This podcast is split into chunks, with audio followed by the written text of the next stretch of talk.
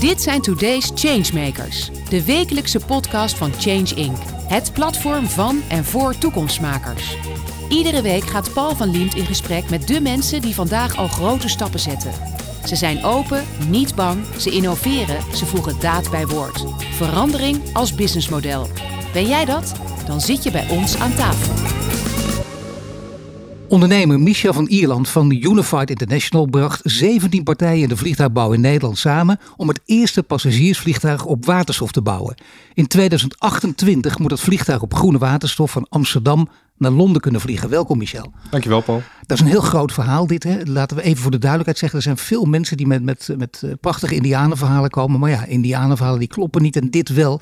En dat maakt het heel bijzonder. Dat gaan we zo meteen even horen van jou. Hopelijk kun jij dat, ik denk het, ik weet het zeker, kun jij dat uh, duidelijk maken. Maar altijd beginnen we met het nieuws van afgelopen week. Wat maakte de meeste indruk op je? Nou, als ik kijk naar de afgelopen weken, dan uh, het graanakkoord wat is gesloten tussen ja. uh, Rusland, Oekraïne en, uh, en Turkije. het belang daarvan dat, dat de wereld, en met name Afrika natuurlijk, gewoon gevoed kan blijven. En, het, en Oekraïne, en dat het ontsloten wordt hè, in een ja. oorlogsgebied. Dat is voor zoveel mensen in deze wereld die daarvan rond moeten komen. En fundamenteel, hè, het voedsel. Dat dat nu op gang komt, ja. dat vond ik het nieuws van de dag. Van, nou ja, van en ook opvallend trouwens dat, uh, dat het toch blijkbaar uh, onderhandeld kan worden. Ook op dit soort punten. Dat ze niet helemaal met de ruggen naar elkaar staan, beide partijen. Nou ja, zeker. En, en beide partijen had je natuurlijk nodig, Rusland en, uh, en Oekraïne. Maar dat ze ook het belang hiervan inzien om dit te, te laten lopen, te laten vloeien. Ja, ja, is cruciaal denk ik voor een groot gedeelte van de wereld. Dan moet je altijd oppassen met bruggetjes en zo. Dat ga ik nu ook niet doen, want uh, je, jij hebt ook met veel partijen te maken, maar het zijn hele andere partijen. Dan gaat het over andere dingen. Dat zijn 17 partijen. Die zijn verenigd in Unified International. Ja, als dit gaat lukken, wordt het heel groot. Uh, kun jij vertellen uh, wat, het, wat het precies is, Unified International? Wat jullie exact doen en iets breder dan ik net zelf heb aangegeven. Ja, dat is prima. Ja, Unified International is een consultancybedrijf op het randje van de techniek, operations, wat we zeggen, altijd met economische impact en met oog voor sustainability. Wij zijn twee jaar geleden begonnen om te kijken van nou, als we impact willen maken in de luchtvaart. Vergroenen van de luchtvaart hè, is belangrijk. Vinden we allemaal belangrijk. De samenleving vindt het belangrijk. We hebben in Nederland 100 jaar vliegtuigmaakindustrie maar liefst. En een kennispositie met TU Delft en NLR. Hoe kunnen we dat nou ontsluiten, maar ook met een roadmap die haalbaar is? Hè, eentje waarvan we zeggen, dat kunnen we daadwerkelijk met elkaar realiseren. Met het huidige cluster wat we, wat we hebben in Nederland. Mag ik toch weten hoe je op dit idee kwam? Omdat ik zei niet voor niks in het begin, indianenverhalen doen veel er rond. En is het heel mooi. Hè? Daar kun je even nieuws mee halen. Kijk eens even, de luchtvaart kan duurzaam worden. Dat is onmogelijk. Om dat even binnen een paar jaar voor iedereen en alle vliegtuigen voor elkaar te krijgen. Maar waar zagen jullie dan de opening? Waarom kunnen jullie dit verhaal wel gaan waarmaken? Ja, dat klopt. Een nieuw vliegtuig bouw je niet zomaar. En of het dan elektrisch is of op waterstof, dat kost jaren. Airbus ook met zijn plannen bijvoorbeeld, hè, die zitten in de 2035, 2040. Ja. Wil je daar komen, en dat willen wij, hè, we willen een, weer een systeemleverancier worden richting die grote vliegtuigbouwers, dan moet je een tussenstap zetten. En wat is nou een tussenstap die realiseerbaar is? Dus wat hebben wij gedaan? We hebben gekeken naar, kunnen we niet een vliegtuig ombouwen? Dan pak je gewoon een bestaand vliegtuig, een bestaand ontwerp. Je haalt de motor eruit en die vervang je door een waterstof, elektrisch of een hybride oplossing, zoals ze dat noemen. Ja, maakt het niet uit, want jullie mikken wel op het eerste waterstofvliegtuig. Je zou kunnen zeggen, wij beginnen elektrisch of wij beginnen uh, inderdaad hybride. Klopt. Nou, elektrisch uh, heeft ook een uh, potentieel hè, voor een bepaald segment. Wij hebben gekeken naar technisch en wat ook te commercialiseren is, hè, waar ook een verdienmodel echt achter zit. Uh, en dat is een regional markt, zoals ze dat noemen in de luchtvaart. Dat zijn propellervliegtuigen die een afstand rond de 1000 kilometer of iets verder uh, doen. Ja. Kunnen we die dan niet ombouwen? En welk type, want er vliegen er best wel wat rond in de wereld, leent zich daar nu het beste voor technisch, maar ook commercieel? Ja, kijk, en als je dit waarmaakt, dan zou je dus met de eerste, laten we zeggen, uh, dat, dat, commercieel kun je dus ook. Uh, het, het, is interessant om in te investeren, dus. Uh, het zou in 2028 kunnen, dat lijkt ver weg, maar het is het helemaal niet, hè, dit soort dingen, om dat er voor elkaar te krijgen. En op waterstof. Als je het voor elkaar krijgt, is het, is het iets waanzinnigs. Ik denk dat internationaal groot nieuws zou zijn, ook eigenlijk. vooral omdat je dan met iets. Zo kijken jullie ook tegenaan, denk ik. Zeker. en goed, die 2028 is niet voor niks gekozen. en voor een vliegtuig, dat moet je certificeren, zoals ze dat noemen. Dat geldt dus ook voor de waterstof. Ja. Wij gaan een stukje hercertificeren. Dus we gaan niet alles opnieuw certificeren, we gaan een stukje certificeren. En 2028 klinkt ver weg, maar tegelijkertijd ook niet. Nee. Wij vinden dat we met dit traject het realistisch is, maar we wel een versnelling realiseren naar die permanente verduurzaming van de luchtvaart. Nu is het wel zo dat als partijen zich committeren, dan moeten ze zeker weten dat het iets kan worden ook. Hè. Je wil niet dat je, dat je enorme reputatieschade leidt, omdat er over een paar jaar berichten verschijnen in alle media dat het flauwekul is, dat het oplichting is, nog erger misleiding is. Weet je, dat, nou ja, dan, dan wordt de link helemaal gelegd met, eh, met zaken waar je niks mee te maken wil hebben. En dat kan bijna niet, want het zijn nogal wat partijen die zich gecommitteerd hebben. En ik zou bijna zeggen, noem ze alle 17 maar, dat is wat overdreven. Mogen mensen zelf even googelen, maar noem er eens een paar. Wat zijn echt de grote partijen? Nou, wat we, wat we gaan doen is eigenlijk de oplossing uh, bieden het HAPS product. Hè, is van propulsion, maar ook storage systems, zoals we dat noemen. Nou, laat ik even bij de tank eh, bijvoorbeeld beginnen, Paul. Ja. De tank, daar zitten twee, drie partijen bij. Uh, Een partij die ik wel kan noemen en wil noemen is bijvoorbeeld CryoWorld. Hè, die hebben ervaring op cryogene technologie. Een andere partij is Futura. Uh, en die wordt al toegepast in andere domeinen. Hè? Wegtransport uh, bijvoorbeeld. Dus ook daar zeggen we, die zijn nog niet actief in de luchtvaart. Maar wij nemen de kennis en kunde cross-sectoraal die daar aanwezig is. En die brengen we in het vliegdomein. Hè? Dus ik denk een hele mooie samenwerking. Nou, een andere partij, bijvoorbeeld de fuel cell, is SEP Solutions. Die ik ook wel eventjes wil noemen. En in de fuel cell bijvoorbeeld, dan gaat op dat moment de, de waterstof wordt omgezet in elektriciteit en water. Hele belangrijke partij, innovatieve club. Uh, die ons daarbij gaat helpen. De motor, ook niet onbelangrijk. We hebben daar ook elektriciteit. Die elektriciteit die moet natuurlijk voor voortstuwing zorgen. Dat is een partij uit Eindhoven, Saluki uh, heette die. Innovatief bedrijf die de motor aan het opschalen zijn naar hogere vermogens. En dan hebben we natuurlijk nog de propeller. Hè. Daar zit bijvoorbeeld KVE Composites bij, ja. uit, ook uit Ipenburg. Dat moet verpakt worden en gecertificeerd worden op een uh, goede manier. Nou, daar gaat een ADSE uh, uit Hoofddorp en een NLR, Koninklijke NLR ons bij uh, helpen. En de fundamentele technologie, hè, want we zien natuurlijk ook wel uitdagingen. Dat hebben we ook in kaart gebracht van welke technologieën. Daar moeten we nog wel wat stapjes zetten. Maar waar liggen echt die uitdagingen? Zonder dan letterlijk in de techniek te treden, want dan wordt het echt onder de motorkap kijken. En dat kan niet en dat hoeft ook niet. Nee. Maar wat zijn echt de grote ambities en de grote problemen misschien wel? Nou, of zoals jij dan zegt, uitdagingen? Nou, technologische uitdagingen, maar wel wat wij denken met het consortium over overbrugbaar. Hè. Je moet je voorstellen op het moment dat je take-off gaat, hè, zoals we dat noemen, uh, je vertrekt, dan ga je natuurlijk heel veel vermogen vragen van een vliegtuig. Maar heel veel vermogen betekent uh, ook heel veel warmte die vrij komt. En die warmte, daar moet je vanaf. Ja. Hè, want die warmte, ja, dat, als je dat te veel bij elkaar houdt, dan, dan gaat het niet goed. Hè. Dus dat weggeleiden van die warmte op een goede manier. Nou, daar hebben we bijvoorbeeld ook een TU Delft, maar ook een NLR weer bij nodig.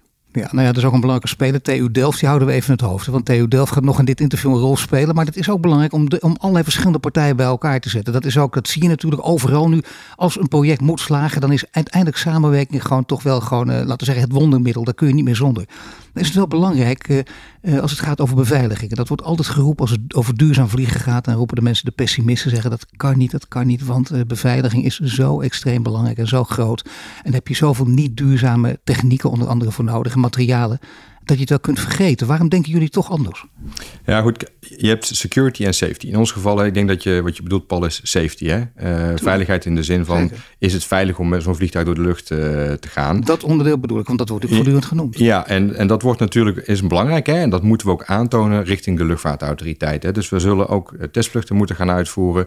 Uh, maar dat doen we stapsgewijs. Dus als eerste gaan we over twee jaar een Iron Bird bouwen, zoals we dat noemen. Uh, dat betekent een, een, geschaalde opstelling waarmee we hem op de grond de hele keten laten werken als ware dat hij in een vliegtuig zit. Ja. Hè? En, en dat gaan we uitgebreid uh, beproeven. Uh, overigens, die stappen, dat is ook met luchtvaartautoriteiten, dat is allemaal gedocumenteerd. Hè? Dus je gaat niet zomaar willekeurig eens even kijken van nou, wat doet dit systeem met elkaar? Je nee. zult echt een aantal stappen moeten doorlopen en die grondopstelling is daar een eerste mooie stap in. Ja, dat betekent dus dat al die partijen die daarbij betrokken zijn, die zeggen dat je ook op dat gebied de veiligheid dus kunt garanderen Althans, dat kun je gewoon met een paar. Uh, nou ja, op deze manier gewoon. Je gaat uh, de, de, ene proef naar de andere uitvoeren. Je ziet of het goed gaat. Daarna worden verbeteringen toegepast. En dan kun je nog steeds, denk je, dat traject vasthouden. En dan 2028, even het ideeën. Kijk, ik, ik zit even te denken nu in koppen. Je, je weet ik wat, openingsjournaal bijvoorbeeld. Of laten we zeggen, een grote krant. Gaat ermee openen. bijvoorbeeld de Telegraaf. Want het is heel groot nieuws. 2028, eerste duurzame vliegtuig in de lucht. Het is geen passagiersvliegtuigen. Het zijn niet de vliegtuigen waar nu eh, de grote rijen voor op Schiphol staan. Het zijn andere vliegtuigen. Nou, ik denk dat het wel degelijk een passagiersvliegtuig is. Het is een maar regional hoeveel, passagiersvliegtuig. Hoeveel, kunnen erin? Nou, je, je gaat uh, een afstand tot ongeveer 750 kilometer uh, kunnen vliegen met ongeveer 50, 60 passagiers. Hè. Maar die stap zullen we met elkaar moeten zetten voordat we naar die nieuwe generatie single-aisle widebody vliegtuigen gaan. De grote vliegtuigen waar mensen mee de oceaan over gaan bijvoorbeeld. Jij denkt dat dat, ja, want dat is precies de grote discussie, dat dat uiteindelijk, dat duurt nog heel lang, maar ja. dat dat, ik snap dat het in stappen gaat, maar dat zou helemaal een wonder zijn dat dat ook gaat lukken. Bijvoorbeeld in 2040. Ja, en, en dat is waar Airbus of Embraer en Boeing bijvoorbeeld al aan het werk zijn. Hè. Die hebben grote programma's uh, waar ze al aan het werk zijn. Uh, en ja, dat kost echt gewoon tijd. En de technologie is al heel ver, maar die technologie verder opschalen ja, dat, uh, daar hebben we gewoon tijd voor nodig, Paul. Nou heb je het geluk, we hebben ook tijd nodig. We hebben ook de tijd, maar ook weer niet zoveel tijd om te diep in te duiken. Maar uh, ik, ik wil even toch verwijzen naar een factsheet in NRC. Dat ken je waarschijnlijk ook. En daar staat in toekomst verduurzaming luchtvaart. Luchtvaart kan zich niet uit de klimaatcrisis innoveren. En dat gaat onder andere over dit soort stappen. Dan zeggen ze, kijk, dat met name wordt er nadruk op safety gelegd. En dat kan dus niet. En het lukt ook niet in 2040. Met name niet om met Boeing verder te gaan. Je hebt ook grote batterijen aan boord, te zwaar, te veel emissie uitstoten. Zo worden de 30 argumenten genoemd en op een rij Daar kwam daarna trouwens, goede nieuws, hè? er kwam daarna ook weer tegenkritiek op dit stuk. Maar als je zoiets leest, dan denk je, wacht even, dat, eh, dat plaatsen ze niet zomaar. Er werden ook heel veel partijen bij betrokken, nauwkeurig onderzoek naar verricht. Hoe kun je zoiets weer leggen? De paar punten die ik net al noem, vooral met die hele grote vliegtuigen. Ik, ik weet niet uh, welke bron dit uh, is, Paul, maar... Uh, nee, maar je hoort mijn argumenten natuurlijk. Hè? Die gaan ja, over die grote zeker. Boeings, die gaan over die batterij, die gaan over die emissie-uitstoot. Kijk, batterijen, waterstof of waterstof elektrisch, hè, onze oplossing, dat is complementair aan wat elektrisch kan bieden. Uh, aan elektrisch voor een bepaald segment vliegtuigen, daar zitten voordelen en nadelen aan. En ook die accu's die gaan echt nog een flinke stap zetten, een flinke stap maken. Uh, maar je kunt je bijvoorbeeld ook voorstellen, die accu's die je aan boord hebt, die zul je dus over die hele afstand moeten transporteren, dat gewicht. Nu is het zo met brandstof, dat brandstof uh, die je van A naar B brengt, ja, onderweg verbrand je brandstof en raak je het kwijt, wordt je gewicht ook steeds gunstiger. Ja. het voordeel van de waterstof, waterstof is niet veiliger of minder veilig. Het is anders dan kerosine. Hè? Aan kerosine ja. zitten natuurlijk ook bepaalde eigenschappen. Daar moet je ook uh, goed mee omgaan. En, en, en veiligheidsvraagstukken heb je daaromheen. Dat is bij waterstof niet anders. Alleen die liggen net even iets anders dan dat je, wat je bij kerosine gewend bent te doen.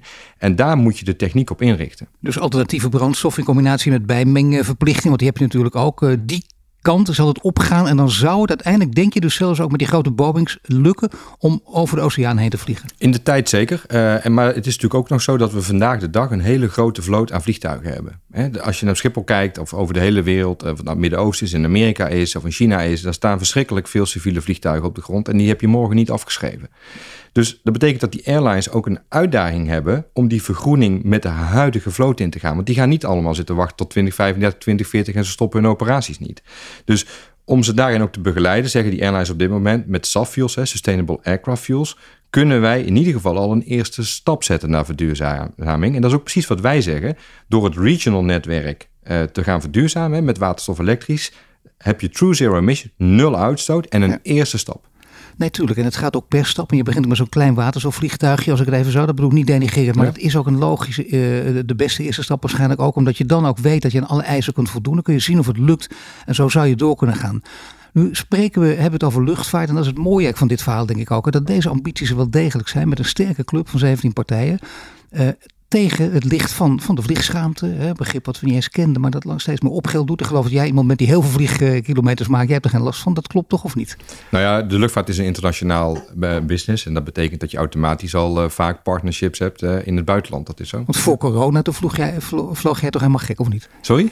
Voor corona, toen vloog jij je wezenloos. Nou goed, de, eh, Embraer, de bouwers, zitten in het buitenland. Toulouse, ja, Frankrijk, eh, Embraer, ja. Dat maar, maar bedoel, ja, je zou ook via videoverbindingen zoals nu ook gaat. En tijdens corona kun je ook contact onderhouden. Maar je denkt, nee, dat kan niet anders. Dat vliegen, dat moet gewoon. De combinatie.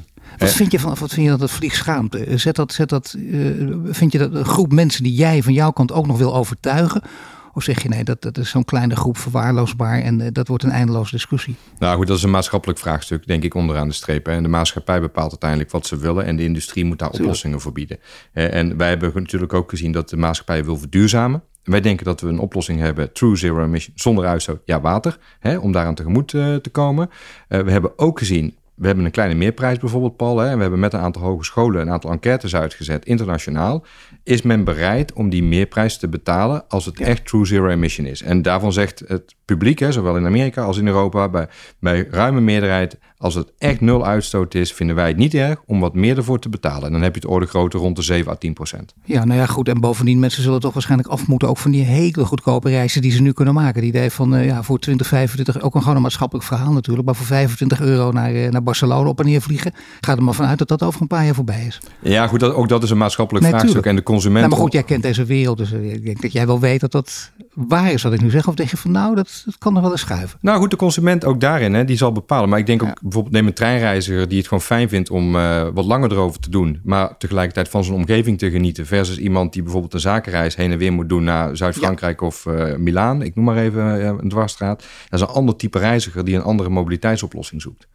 Nu is er nog iets, eh, namelijk eh, je noemt de TU Delft. Daar heb je dus een luchtvaartdeskundige man die, die regelmatig ook in media optreedt, Joris Melkert.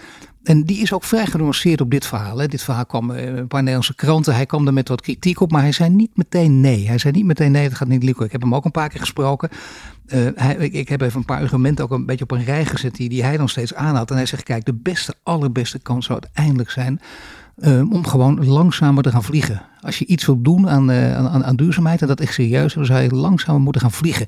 Is dat iets wat, wat ook eh, bij de partijen waar jij nu mee werkt, of althans die, die verenigd zijn in, eh, in, in Unified International, waar dat ook een rol speelt? Of wil je dat juist niet? Ja, ik weet niet precies hoe, wat hij met langzamer vliegen in nou ja, deze letterlijk. Ik noem wat. Je gaat van Amsterdam naar New York. Stel Ja. dat je dus jaren verder bent en dat zou lukken. Nou, dat doe je, hoe lang doe je het nu over? Acht uur, soms Ja. zeven en een half uur met de wind mee. Nou, dat het dan een, eh, een uur tot twee uur langer gaat duren. Tuurlijk, dat, dat hoort er ook bij. Hè? Want eh, uiteindelijk, je moet drag overkomen. Hè? Weerstand eh, die je ondervindt als je een vlucht doet. En daar zit een optimum. En, eh, en dat, dat optimum vinden, wat, wat is dat optimum voor een bepaald type vliegtuig? Dat speelt er absoluut ook een rol in. Ja. Jullie moeten natuurlijk altijd, en dat is, het interessante van dit, van, van dit soort, kijk, er zijn kleinere ambities waar je denkt, oh, daar hebben we allemaal sympathie voor, dat lukt. Dat is echt een grote ambitie. Je weet ook als dit gaat lukken, ik, heb, ik, ik wil niet voor niks een paar keer herhalen, heb je echt iets heel groots in handen. Dus eh, je weet ook wat de hobbels zijn die je moet en wilt overwinnen. Wat, wat zijn de belangrijkste hobbels waar je nu overheen moet? Mhm. Nou goed, kijk, de, de stappen die we gaan doorlopen, hè, en dat, dat zijn tegelijkertijd ook hobbels, hè, eh, is dat we bijvoorbeeld die Iron Bird gaan bouwen en geschaald gaan, eh, gaan testen. Dat zullen we moeten doen. We zullen het eerste vliegtuig moeten gaan ombouwen daadwerkelijk, hè, die nieuwe motor erin brengen. Vervolgens zullen we ook ervoor moeten gaan zorgen dat eh, het eerste vliegtuig de proefvluchten op een goede manier worden uitgevoerd. Hè. We denken met deze club nogmaals dat we dat kunnen, hè, want we hebben een heel goed team en een 100 jaar kenniservaring. Dat wil ik ook nog wel even zeggen. Er zijn heel veel landen in de wereld die zijn echt jaloers op wat we in Nederland hebben. We bouwen al 100 jaar vliegtuigen of vliegtuigsystemen. Heel veel landen, zeker in opkomende markten, willen die positie pakken. Nee, die Wij die hem. moeten we niet vergeten. Dat is inderdaad een hele grote. We hebben natuurlijk we hebben ooit fokken gehad en, niet zomaar die kennis en, en die ideeën weggooien. Absoluut, en dat moet je niet weg willen gooien. We hebben die 100 jaar kennis en kunde en ervaring en infrastructuur. Vergeet je niet, het Nationaal Ruimtevaartcentrum hier om de hoek eh, nabij in Amsterdam. Daar Ja. staan windtunnels. Eh unique of class, alleen uniek in de wereld. Andere landen die dromen ervan om dat in hun achtertuin te hebben. We hebben ze. Nou, laten we ze dan ook benutten. Hè. We zijn in staat geweest om daar eh 100 jaar lang een positie te vervullen. En natuurlijk, Fokker is failliet gegaan in 96. Maar daar is best wel een mooi bedrijf uitgekomen. Of bedrijven zijn eruit gekomen. Die eigenlijk op ieder vliegtuig zitten wel Nederlandse onderdelen. Nu gaan we het volgende hoofdstuk schrijven in de geschiedenis. Een groen hoofdstuk. Laten we dat weer mobiliseren, want dat heeft ons echt gemotiveerd. Hè? Dat mobiliseren om dat groene hoofdstuk van de luchtvaartmaakindustrie te gaan schrijven met eh, de partners. Nee, want dat is natuurlijk het allerbelangrijkste. hè, Dat het ook echt een groen hoofdstuk wordt. Geen greenwashing hoofdstuk. Want ga er maar vanuit. Hè. Ik bedoel, dat zijn kritieken waar ik, ik denk dat jij het als geen ander weet. Ook daar, en logisch ook. Daar wil je, en moet je ook tegen wapenen. Ja. Want eh, die, die vragen zullen gewoon komen. En, en die horen ook te komen natuurlijk. Die moet je ook kunnen weerleggen. Maar ik denk dat jullie wel nu een verhaal hebben. Al die partijen, zei ik al, die zijn er ook bij gebaat. Om te weten dat dit ook een serieus groen verhaal is. Zeker. Dus dat Eh, het alle internationale regels ook voldoet. Dat bijvoorbeeld ook past in de Green Deal. Nee, dat klopt. En, en, en die combinatie, als je het hebt over uitdagingen, je vorige vraag en, eh, en deze, eh, Paul, is wat je natuurlijk wel ziet. Hè, er komt wet en regelgeving aan. Brussel is natuurlijk ook heel actief met de Green Deal. Hè. Eh, Timmermans met, eh, met Samson. Eh, er komt nog meer wetgeving onze kant op. Of niet alleen Nederland, maar de Europese landen de kant op. Nederland gaat daar natuurlijk ook eh, in mee. Hè. Die gaat dat ook eh, incorporeren. Green Deal, super belangrijk. Een hele mooie deal. Die, een kapstok die eh, heel veel gaat, eh, gaat accommoderen. Waar precies wat wanneer in de tijd gaat vallen, ja, dat is nog een stukje onzekerheid. Eh, maar dat, maar dat wil je niet als ondernemer, want jullie moeten echt ver vooruit kijken. Ja. Dus je kunt moeilijk zeggen, we zijn nu heel ver gevorderd en hup, dan komen er weer nieuwe regels aan en zo. Er zijn natuurlijk meer eh, ondernemers eh, terecht boos over geworden. Nou goed, wat je denk ik ziet is dat daar waar de, de politiek misschien wat achterloopt op wat de samenleving vraagt, hè, of via rechtszaken wordt afgedwongen, dat daar nu middels bijvoorbeeld de Green Deal en wat er vanuit Brussel komt, een inhaalslag wordt gepleegd. Wij hebben voorlopig even genoeg te doen hè, de komende komende jaren. En, uh, ja, en of het dan precies bepaalde wetgeving in 2027 of in 2029 geval. Liefst heb je duidelijkheid, maar als ondernemer ben je ook gewend met een stukje onduidelijkheid uh, om te gaan iedere dag. Nee, uiteraard. Nee, natuurlijk. Maar ik bedoel, je wil niet hebben dat, uh, dat het spel voortdurend tijdens de wedstrijd wordt veranderd natuurlijk. En dat de, de, de, regels tijdens de wedstrijd worden veranderd. En dat is natuurlijk heel fnuikend. Ook al zal het misschien af en toe eens voorkomen. Maar in dit geval wil je wel weten waar je aan toe bent als je nu gaat investeren voor de lange termijn. Ja, ja klopt. Helemaal. Je wilt een stukje zekerheid zoek je. Nou denk ik niet dat op dit onderwerp de regels uh, sterk zullen veranderen. Het heeft meer te maken met de fasering en de snelheid waarin bepaalde regels komen. Maar de richting die is gekozen vanuit uh, de samenleving en dus ook nou, door de politiek wordt overgenomen, hè, of het dan in Brussel is of in, uh, in Nederland, ja. die staat wel als een huis. Nu is het wel aardig. Eh, kijk, ik weet niet of jullie dat doen, maar dat is gewoon uh, uit marketingopzicht ook wel interessant. Denk ik, als mensen hier voor, voor dit verhaal gewonnen willen worden. En jullie willen, denk ik, ook draagvlak hebben. Dat is natuurlijk mhm. ook prettig. Uh, dat je een nieuwe naam hebt, bijvoorbeeld. Heet dat dan ook vliegtuig? Heet dat green flying? Of weet ik veel wat? Heb je dat soort termen in je hoofd of niet? Of is het pas voor later zorg? Nou, die, die, hebben we, die zijn we aan het, we hebben een paar concepten liggen. Nou, op dit moment is het HAPS, hè, het, het HAPS-programma heet het. Hè? Ja. Hydrogen Aircraft Propulsion and Storage System. En als HAPS gaan we op dit moment Nee, dat is een leuke naam, maar je wilt toch iets eh, wat, wat mooier is. En je meteen op straat loopt en denken, mensen vinden dat heel interessant. Hé, hey, daar zijn ze mee bezig, let op. Alsof de ruimtevaart opnieuw ontdekt wordt. Ja, nou, in september kom ik er graag voorbij je terugkomen. nou, moet je kijken. Nou, dat zie je zo dichtbij. Maar het is nog heel leuk om dat gewoon even te vertellen. Zeker weten in september. Michel van Ierland, kom op. Een slim ondernemer, die vindt het wel leuk om nu... Nee, goed, dat heeft geen zin om hierover door te gaan. Maar dan komt er een nieuwe naam ook. Dan heb je gewoon een, een, een naam, althans, je, zeg maar, mooie, een mooie branding kan het opleveren. Zeker weten. Oh, dat is al zo dichtbij. Ja. Kun je dan niet iets. Nee, dat kan niet. Nee, ik zie het aan je hoofd. Je gaat niks doen, wat ik ook probeer. Nu heb je nog meer. Uh, je hebt met verschillende partijen te maken die ook uh, inderdaad, zeg je al, hier aan een commercieel project werken. Dus je denkt dat er ook geld mee verdiend gaat worden. Maar eerst uh, het geld dat nodig is. Wat heb je, wat, wat is er bij? Want dat, dat zegt eigenlijk niks, maar het zijn wel enorme getallen met enorme, enorm veel nullen. Kun je iets binnen een zekere bandbreedte noemen hoeveel jullie nodig hebben? Nou goed, kijk, je, je, ook al is het een vliegtuig ombouwen, hè, je hebt het over inderdaad wel serieuze bedragen. Uh, daar hebben we met de partners ook een goede raming, uh, denk ik, op, op gemaakt. om dat te kunnen doen, heb je een stukje privaat geld nodig. Maar je hebt ook publiek geld daarvoor ja. nodig. Hè? om door die, ja, dat noemen ze in de ontwikkelmarkt of tech, Valley of Death heen te komen. Hè? Ja. daarvoor zijn we, hebben we ons programma in het lid uh, ingeschreven, Luchtvaart in uh, Transitieprogramma. Uh, het Luchtvaart in Transitieprogramma, wat vanuit Luchtruimtevaart Nederland en het ministerie van IMW bij de Nationale Groeifondscommissie is ingediend, in, als onderdeel van de tweede ronde. En ons onderdeel is daarin gehonoreerd door het. Ja, door de commissie, mag ik wel dus zeggen, en het is, kabinet. Dit is nu ook per definitie dus al een publiek-private samenwerking. Correct, ja. En, ja. maar dan, ik vroeg de getallen. Gaat het, om, gaat het om honderden miljoenen? Gaat het om miljarden? Nee, het gaat niet om miljarden en het gaat over eh, eh, tientallen, honderden miljoenen wat je nodig hebt richting een eerste commerciële vlucht. En uh, goed, het lidprogramma geeft ons daar, ik noem het maar even, een goede stap en een zet in de richting hè, om uh, ja, als een ze zeggen de usual suspect, maar wij zijn denk ik een unusual suspect. Met die partners die dat wel zijn, die stap te kunnen zetten met elkaar. Dan speelt er nog iets. Je hebt natuurlijk ook een vliegveld nodig. En uh, daar wil je ook samenwerkingen mee sluiten. Ja. En uh, nou, vliegvelden die staan er niet zo goed voor. Zeker niet in deze zomerperiode. Ook heel begrijpelijk. Overigens niet alleen Schiphol. is goed om dat toch even te benadrukken. Het geldt voor veel meer vlieghavens. Uh, maar hoe, welk vliegveld hebben jullie voor ogen? Nou, we, gaan natuurlijk eerst het vliegtuig ombouwen. Uh, een van de partners, uh, van de 17 partners, is, uh, is Fokker in het verhaal. Hè? Fokker Services en Fokker Techniek. Die zit op Boensrecht in Brabant of vlakbij Bergen op Zoom. Nou, daar willen we het eerste vliegtuig gaan ombouwen. na het ombouwen de eerste vluchten uitvoeren. Daarna willen we het naar Rotterdam brengen, de luchthaven van, van Rotterdam. Wat een prima proeftuin is voor groening, hè, of vergroening. Hè? Dat, dat doet Rotterdam ook, die lopen daarin voorop. Dus een groot gedeelte van die campagne testvluchten voor ons, maar wat ook wat betekent het voor die luchthaven en hoe moet die luchthaveninfrastructuur dit kunnen accommoderen? Welke aansluitingen moeten zij gaan maken? Want ook voor de luchthavens is het nieuw wat je terecht opmerkt. Dat gedeelte willen we vanaf Rotterdam gaan doen. Eén punt mogen we niet vergeten in het hele verhaal. Zoveel partijen bij elkaar die allemaal een hele mooie ambitie natuurlijk hebben. Een hele grote ambitie ook. En dat is ook lekker om aan te werken. Dat geeft ook een zekere goede spanning denk ik ook. Maar dan heb je ook echt sterk, stevig leiderschap nodig. En daar zijn ook grote tekorten aan. Wat zijn hier de, de steekwoorden die op dit leiderschap moet passen dat nodig is om deze partijen zo lang op een goede manier met elkaar te laten samenwerken? Um, ik denk uh, vertrouwen en open vizier uh, met elkaar. Ehm, en het, vooral ook aanvliegen vanuit de technische kant. en ook gewoon duidelijke deliverables. Hè. Onderaan de streep ja. gaan we natuurlijk ook topsportbedrijven. Dat zijn we, hebben we al gedaan de afgelopen twee jaar. we gaan Champions League in de vliegtuigmaakindustrie weer spelen met elkaar. Maar met wat betekent dat in de praktijk? Nou ja, je, je bent ook van elkaar afhankelijk. En het kan niet zo zijn als, als onderdeel van het programma dat de een op de ander moet gaan zitten wachten. Je kunt natuurlijk allemaal tegenslagen tegenkomen, maar we moeten allemaal wel echt gaan leveren. En het is gewoon topsport en dat zal het ook nog zijn de komende jaren. Ja, en is er één leider aan te geven? Is er één iemand die die koers vast letterlijk ook probeert te zijn in dit verhaal? Nou, ik denk dat, dat wij uh, als Unified op dit moment die, die, die groep bij elkaar hebben gebracht. Maar de hele groep, wil ik echt wel zeggen, die is super enthousiast en super gemotiveerd om hier een succes van te maken. We waren bij Innovation Quarter, de regionale ontwikkelmaatschappij, jaar-event. Vijf van de ondernemers mochten hun verhaal daar presenteren. En ja. dat was niet afgestemd met elkaar, maar de boodschap was echt ja. unaniem en vol vertrouwen naar, uh, naar de zaal toe. En dat laat ook maar zien, hè, dit zijn allemaal entrepreneurs die van mouwen opstropen zijn en een can-do mentaliteit. Ja, en daar kwam volgens mij toch ook, en dat is mooi, en niet op elkaar afgestemd, dat zegt vaak veel en dat je toch op dezelfde flow uit, in dezelfde flow uit eigenlijk uitkomt. Maar er kwam ook volgens mij het verhaal uit, dit wordt uh, het ASML van de luchtvaart. Als het goed gaat.